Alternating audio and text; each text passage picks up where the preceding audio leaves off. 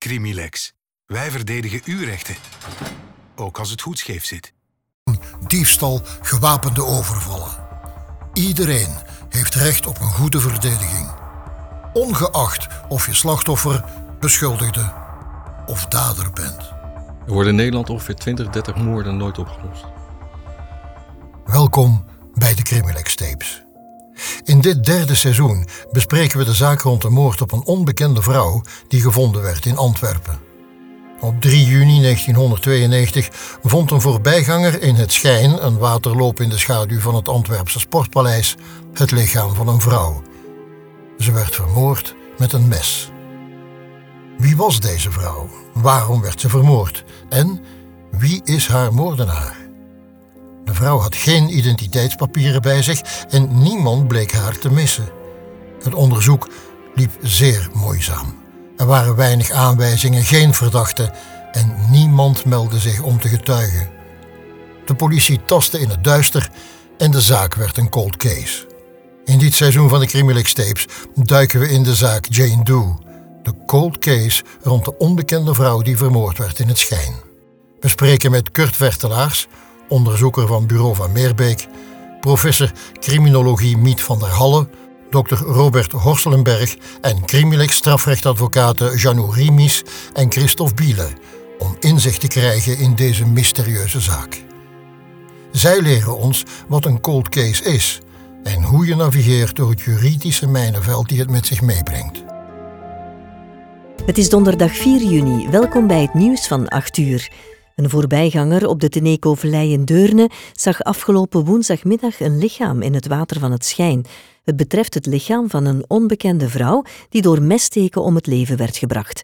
Het onderzoek naar de dader is geopend, maar voorlopig weet de politie enkel te bevestigen dat het om een vrouwelijk slachtoffer gaat. In de schaduw van het Antwerpse Sportpaleis loopt het Schijn, een zijrivier van de Schelde. Het was in die waterloop dat een toevallige voorbijganger op woensdag 3 juni 1992 een lichaam zag en de hulpdiensten verwittigde. Het lichaam werd geborgen en de politie deed enkele vaststellingen. Het zou gaan om een vrouw tussen de 30 en 45 jaar, corpulent gebouwd en ongeveer 1,70 meter lang. Haar identiteit was onbekend en dus kreeg ze de naam Jane Doe. Jane had zwart, halflang haar en droeg een roosrood haarbandje in badstof. Haar sportieve kledij bestond uit een blauwe joggingbroek van het merk Adidas met gekleurde streepjes op de zijkanten, een paars t-shirt met daarop een moeilijk leesbare tekst en hoge sportschoenen. De politie nam de zaak meteen serieus, want haar rug en hals vertoonden messteken. Jane Doe was het slachtoffer van moord. Maar waar moesten ze beginnen zoeken? Er werden geen identiteitspapieren gevonden en men kon de vrouw niet identificeren. Aan het woord is Kurt Wertelaars van Bureau van Meerbeek. Hij onderzoekt al jaren cold cases in opdracht van familieleden met de hoop om de zaken te heropenen. En ook in deze zaak deed hij onderzoek. In de lente van, uh, van 1992 uh, vindt een uh, wandelaar, het zijn altijd wandelaars die lijken vinden, vindt een wandelaar in, in een waterloop in Antwerpen, vlakbij het Sportpaleis, een, een lichaam. De politie wordt verwittigd en er start eigenlijk meteen een onderzoek. En men ontdekt dat het dus gaat om een, om een, om een vrouw die vermoord is met meerdere messteken. Um, uh, dus de dader op dat moment is vanzelfsprekend nog uh, onbekend. Maar ook uh, de identiteit van die vrouw, die kan men niet achterhalen. Um, die heeft niets van identiteitsgegevens op zak, die is ook maar zeer licht gekleed. En men weet eigenlijk niet goed wie die vrouw is. en dan, ja, dan start eigenlijk het onderzoek voor de politie vooral naar wie is die mevrouw? Men doet een aantal uh, heel uh, klassieke opsporingsmethoden uh, die men gebruikt. Men gaat eerst kijken, zijn er een aantal vermisten die in beeld kunnen komen daarvoor. Men gaat kijken um, naar wat zijn, wat zijn evenementen die de voorbije dagen, weken zijn, zijn gebeurd, waarbij iemand met dit profiel zou, zou kunnen uh, in beeld komen. Dat levert allemaal op dat moment weinig op. Uh, men gaat natuurlijk een aantal, ja, zeker in de, in, de, in de ruimere omgeving van waar dat het lichaam gevonden is, is men gaan, gaan zoeken naar, uh, naar kent iemand, heeft iemand iets gezien. men heeft vanzelfsprekend ook gekeken naar tandgegevens en zo verder, om te zien of daar mogelijk een link is met, een, met iemand die men al behandeld had in het land. En dat heeft eigenlijk allemaal helemaal niets opgeleverd. Vroegen professor Miet van der Halle en universitair docent Robert Horselenberg hoe zij zo'n onderzoek aanpakken en wat hun eerste indruk is van deze zaak. Nou, wat wij doen is met een groep studenten van het zijn juristen, criminologen, psychologen, um, een, een dossier bestuderen. Die krijgen we in samenwerking met het Openbaar Ministerie en de politie. Um, en dat doen we één groep per jaar. En wat we dan doen is, uh, we schrijven een, verschillende scenario's uit. Uh, en op basis van die scenario's verschillende adviezen. Van wat kun je nog doen om de zaak weer wat heter te krijgen? We hebben wel uh, een aantal vaste stappen. Uh, de eerste stap is heel grondig lezen. Dat, dat is eigenlijk het allerbelangrijkste. daar zijn de studenten ook echt wel lang mee bezig. Dus daar steken we wel heel veel tijd in. Ze doen dat ook samen, dat is ook heel belangrijk. Dat ze elkaar ook kunnen bevragen van, goh, ik heb dit gelezen. En dat iemand anders dan zegt van, oh ja, ik heb dat eigenlijk anders geïnterpreteerd. Dus ze proberen echt eigenlijk in eerste instantie grip te krijgen op de zaak. Dat is uh, heel belangrijk. Maken daar ook heel wat aantekeningen bij, uh, stellen al vragen die misschien nadien interessant kunnen zijn voor scenario's. Um, een tweede stap is dat we ook vaak met deskundigen gaan spreken. Uh, een aantal dingen, ja, dat is dan bijvoorbeeld ook nieuw.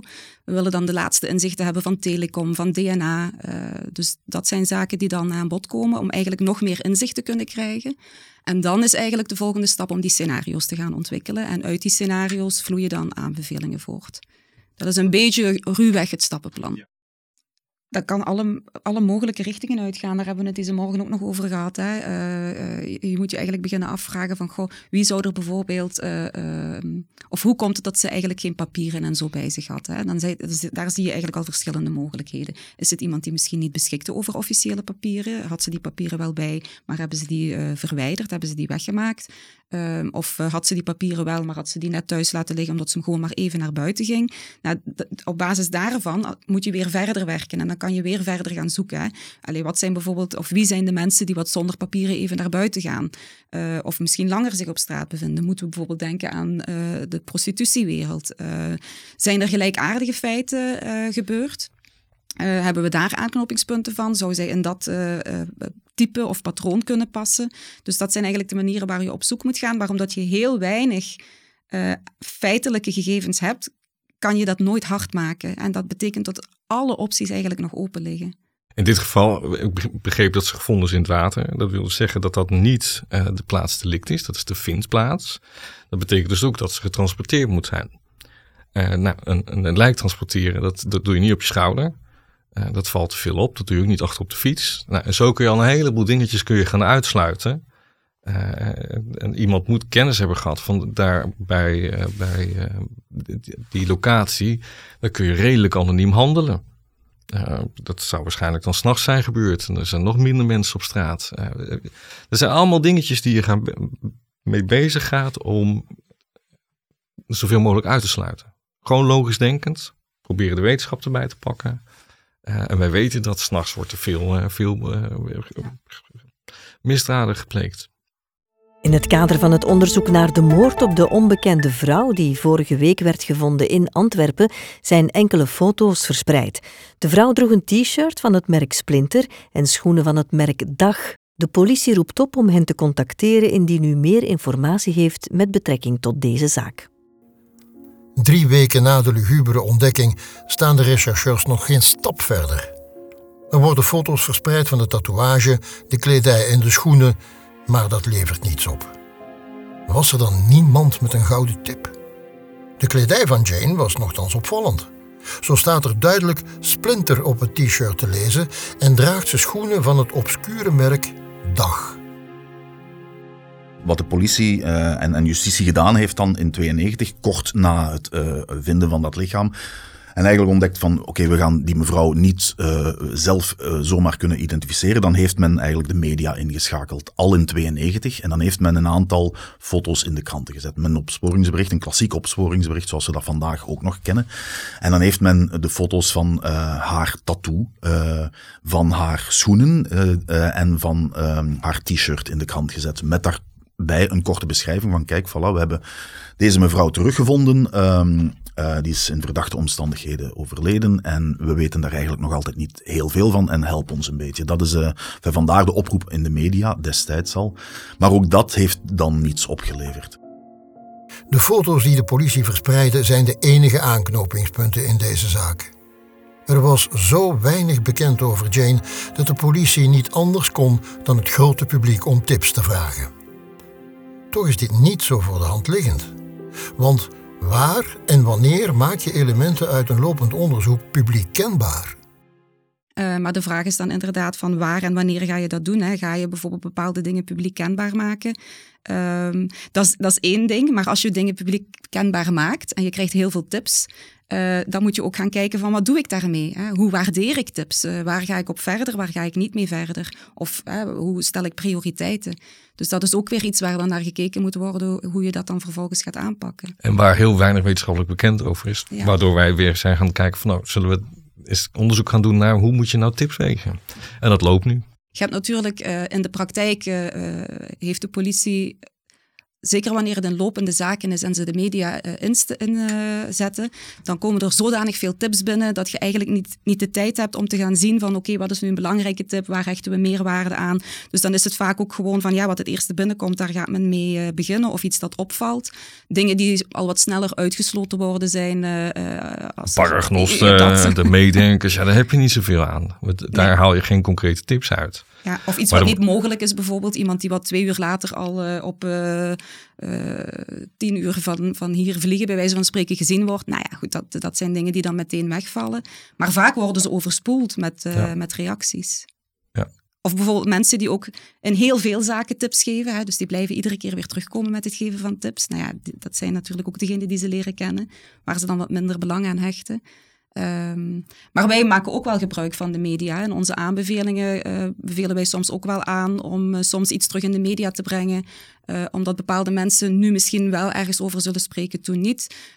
of misschien met elkaar ergens over gaan spreken. En dat je daar natuurlijk op gaat rechercheren. En dus die mensen adviseren we dan ook, zet die alvast even onder de tap. Hou die even in de gaten.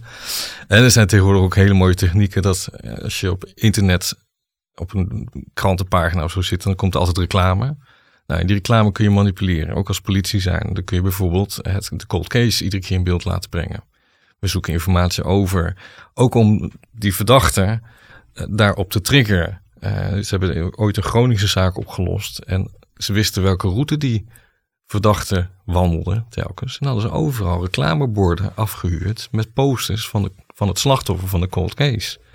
En dat zijn ook adviezen die wij geven. Ga reuring brengen in de maatschappij. Pak social media erbij. Pak eh, de, de kranten erbij. En er is altijd iemand die dan zegt: Ja, nu durf ik het wel te zeggen, want ik kan hier niet meer mee leven. En dat is wel iets ook in deze zaak van Jane Doe. De social media kan ook wel een mogelijke rol spelen. Maar je moet gaan bepalen op welk moment dat je iets in een bepaald land bijvoorbeeld op social media gaat plaatsen. En wat je daarop gaat plaatsen. En wat daar de reacties van kunnen zijn.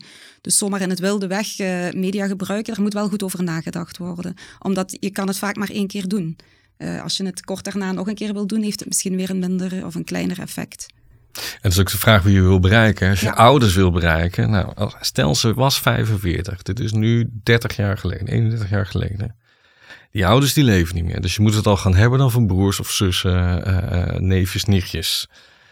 Als die er als waren. Die er nog, als die er waren. Dus er zijn allemaal dingetjes waar je over moet gaan nadenken. En dat nadenken moet je gewoon heel logisch doen, heel gestructureerd. Als dit, wat dan? Um, en, en zo zitten we ook met onze studenten. Maar je moet even goed gaan nadenken. We hebben feiten en we hebben aannames. En hoe meer feiten we hebben, hoe beter wij ons verhaal kunnen vertellen. En ons scenario kunnen maken. Hoe minder feiten, hoe meer aannames. En hoe meer aannames, hoe zwakker je scenario wordt. Het gebrek aan reacties wekt het vermoeden op dat de mysterieuze vrouw niet uit de buurt kwam. Volgens Kurt Wertelaars is de vrouw dan ook niet afkomstig uit België, En woonden ze ook niet in ons land of in een van onze buurlanden. Destijds, in 1992, was er nog geen sprake van Europol en het internet stond ook nog maar in zijn kinderschoenen, waardoor een vlotte en snelle communicatie moeilijker was. Maar toch, als er in eigen land of pakweg Nederland, Duitsland of Frankrijk plots een vrouw zou verdwijnen, dan zouden we dat wel geweten hebben, niet? Bureau van Meerbeek trok alle registers open. Hun onderzoek leidde hen van een schoenmaker in Italië tot een kledingketen in het Verenigd Koninkrijk. Wat de schoenen betreft ehm, konden we eigenlijk niet meteen uh, dat merk uh, op die schoenen thuisbrengen. We vonden dat niet. We waren wat aan het googlen en aan het zoeken en uh, online aan het, aan het bekijken. We vonden dat niet meteen terug. En daar zijn we, dan hebben we dan uh, relatief snel, heb ik dan gezegd van oké, weet je wat, we gaan hier ja, het, het, publiek wat inschakelen. Want doorgaans werken wij erg onder de radar en gebruiken wij of schakelen wij het publiek niet in voor, voor te helpen. Maar in dit geval was dat eigenlijk, ja, zou dat wel eens nuttig kunnen zijn. En dan hebben we die schoenen ehm, online gezet. Overigens informatie die 30 jaar geleden ook al eens gedeeld is met het publiek. En dan hebben we eigenlijk gewoon gevraagd aan het brede publiek van, van oké, ja, beste mensen, kent er iemand die dit soort schoenen? Weet iemand waar dat we dat gaan kunnen terugvinden? En dan hadden we eigenlijk, ja, ik denk een aantal uren later al kregen we een, wat tips uit dat, dat dit soort schoenen verkocht werden in Oost-Europa. En dan zijn we op basis van, van die informatie gaan zoeken. Kregen we nieuwe foto's binnen van hetzelfde type schoen. Um, maar van ergens op een, een of andere tweedehands site of zo in, eh, in, in Oost-Europa kregen we dezelfde uh, schoenen terug. En dan konden we aan de hand daarvan ontdekken waar die schoenen eigenlijk gefabriceerd uh, werden. In Italië. Maar dan nog vonden we niet meteen het bedrijfje terug waar die, die schoenen gefabriceerd werden. En dan hebben we opnieuw eigenlijk de, ja, het brede publiek ingeschakeld. Dankzij uh, connecties in Italië hebben we daar het verhaal kunnen vertellen in een Italiaanse krant. En hebben we eigenlijk uh, verteld van oké, ja, weet er iemand waar, dat wij, uh, waar dat wij terecht kunnen. En niet veel later kregen wij uh, telefoon uit, uh, uit de US van een uh, jonge man die zei van kijk, u bent eigenlijk op zoek naar mijn vader. Mijn vader heeft het artikel gelezen in de Italiaanse krant, maar mijn vader spreekt geen, geen Engels, geen, geen Nederlands. Hij heeft mij ingeschakeld en hoe kunnen wij jou helpen? En dus we hadden op dat moment echt direct een, ja, een rechtstreekse lijn met de ontwerper van de schoenen van 1992. Maar ja, maar dat, dat, was, dat, was, dat was fantastisch. Hè? Dus die, die, um, die zoon, van die, van die ontwerper die zegt: Kijk, uh, mijn vader heeft het artikel gelezen in die Italiaanse krant. Het gaat over hem. Hij is de ontwerper van die, van die schoenen en hij wil heel graag zijn steentje bijdragen in het, in het oplossen, ontrafelen van die zaak. En wat kunnen we doen? En dan heb ik, zijn we aanvankelijk heb, heb ik heel veel wat, uh, communicatie gehad met die zoon. Zeg van oké, vertel ons over die schoenen en waar, waar verkocht hij die en, en hoeveel kostte die? Want dat is ook een belangrijk detail. Als dat schoenen zijn van, van uh, in die tijd uh, ja, duizenden Belgische franken nog, ja, dan dat, dat zegt ook wel iets over het, uh, over het slachtoffer. Bijvoorbeeld. Dus, dat, dus wat, wat kosten die, waar werden die gemaakt, waar dienden die voor, um, dat soort elementen allemaal. En dan vooral, ja, waar werden ze verkocht.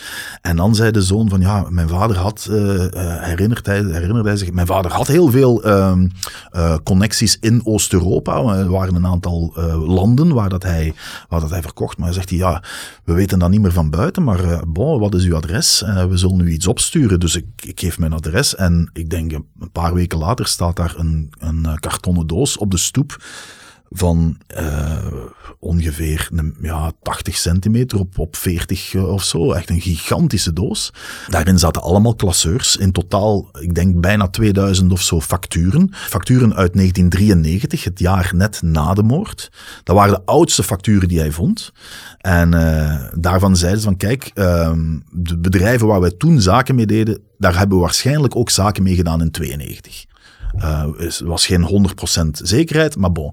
En dan zijn we daarin beginnen zoeken en dan hebben we die, die, uh, met, met, twee man uh, op een grote tafel al die facturen, land per land, hebben we dat alles uit elkaar gehaald. Het ging over, over, hebben ze per land gelegd, hebben ze per, gekeken van, en vooral waar zaten die schoenen en waar zaten die, en dus daar hebben we een beetje, en, en opnieuw kwamen we dan in, uit in een, in een aantal landen die al, al wat langer onze aandacht trokken in, in Oost-Europa, Hongarije, Montenegro, dat waren een aantal landen waar dat Slovenië, dat waren toch een aantal landen waar dat we waar dat een, een speciale aandacht naar uitging. Dankzij de hulp van het publiek vond het bureau van Meerbeek de Italiaanse schoenenontwerper.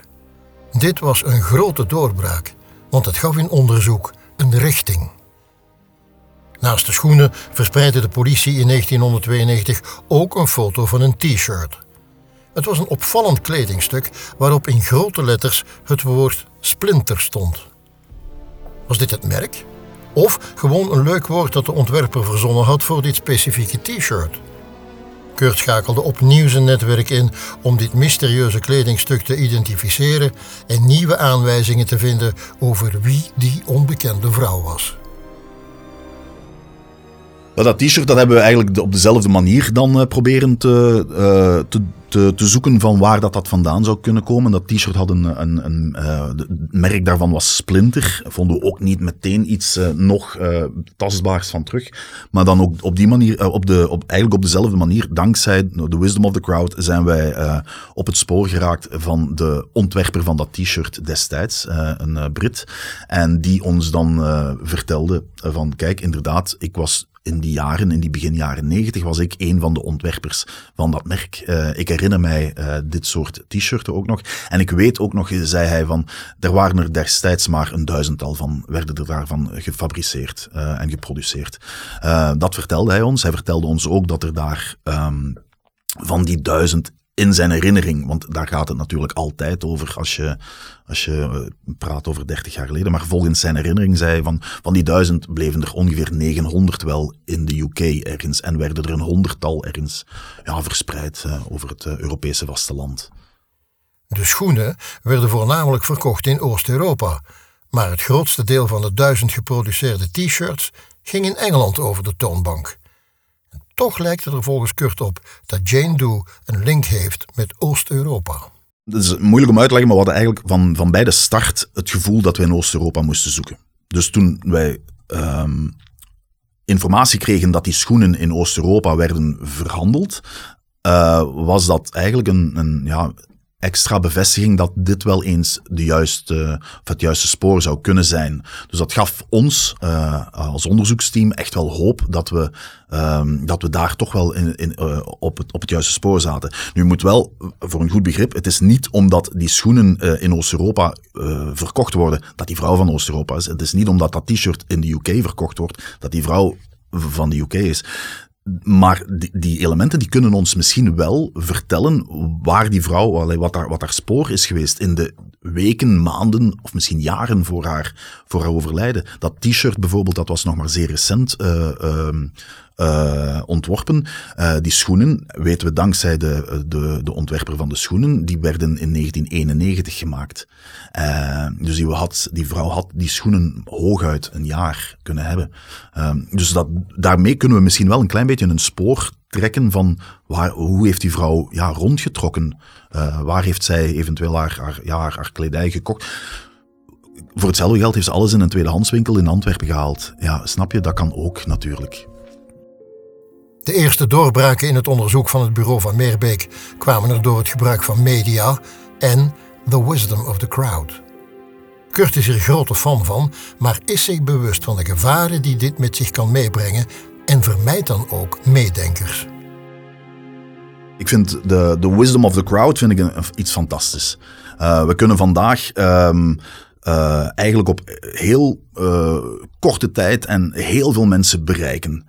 En je krijgt heel veel informatie binnen. Dus ik vind dat op zich wel een heel goed gegeven. Ik ben daar altijd wel heel erg voorzichtig mee in wanneer ik dat inzet. Ik ga niet aan de mensen vragen van help mij zoeken naar een moordenaar. Ik wil het niet meemaken dat we, we plots uh, ergens een of andere publieke lynchpartij krijgen uh, van mensen die zeggen van ah, we gaan we allemaal met Bureau van Meerbeek wel gaan beginnen meezoeken. Dat gaan we niet doen. Hè. Uh, wat ik wel doe, is die wisdom of the crowd gebruiken op momenten dat ik denk van oké, hier kan, hier, hier kan men mij helpen? Hier gaat het puur over hoe snel kunnen we informatie vinden uh, uh, uit een bepaalde hoek. En in het geval van deze onbekende vrouw, deze Jane Doe, daar gaat het ons in hoofdzak over het identificeren van die vrouw.